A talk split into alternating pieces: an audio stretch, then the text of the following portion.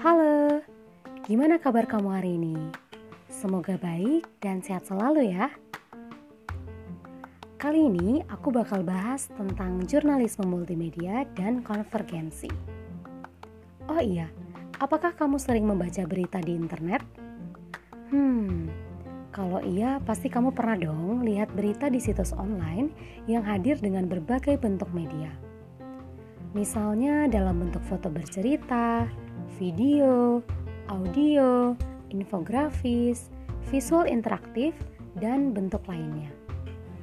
Nah, hal ini disebut dengan jurnalisme multimedia.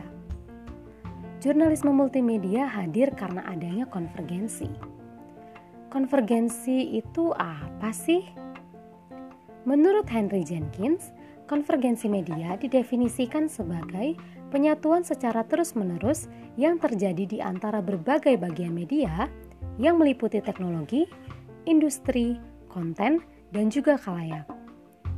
Ya, singkatnya nih, konvergensi media juga berarti kemampuan media untuk mengirimkan berbagai bentuk konten kepada masyarakat luas.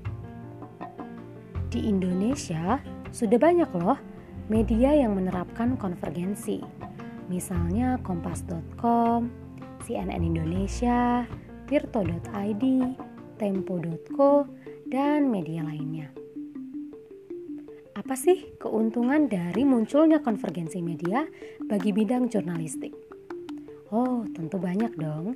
Yang pertama, membuat informasi lebih cepat bahkan secara real time. Yang kedua, meningkatkan akses informasi jadi, kita bisa mengakses informasi kapan pun dan di mana pun.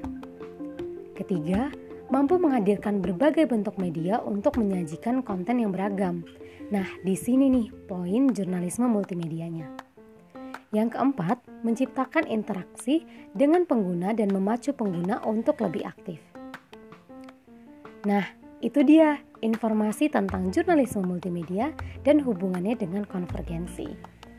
Semoga info kali ini dapat bermanfaat untuk kamu. Terima kasih sudah mendengarkan. Stay awesome dan sampai jumpa.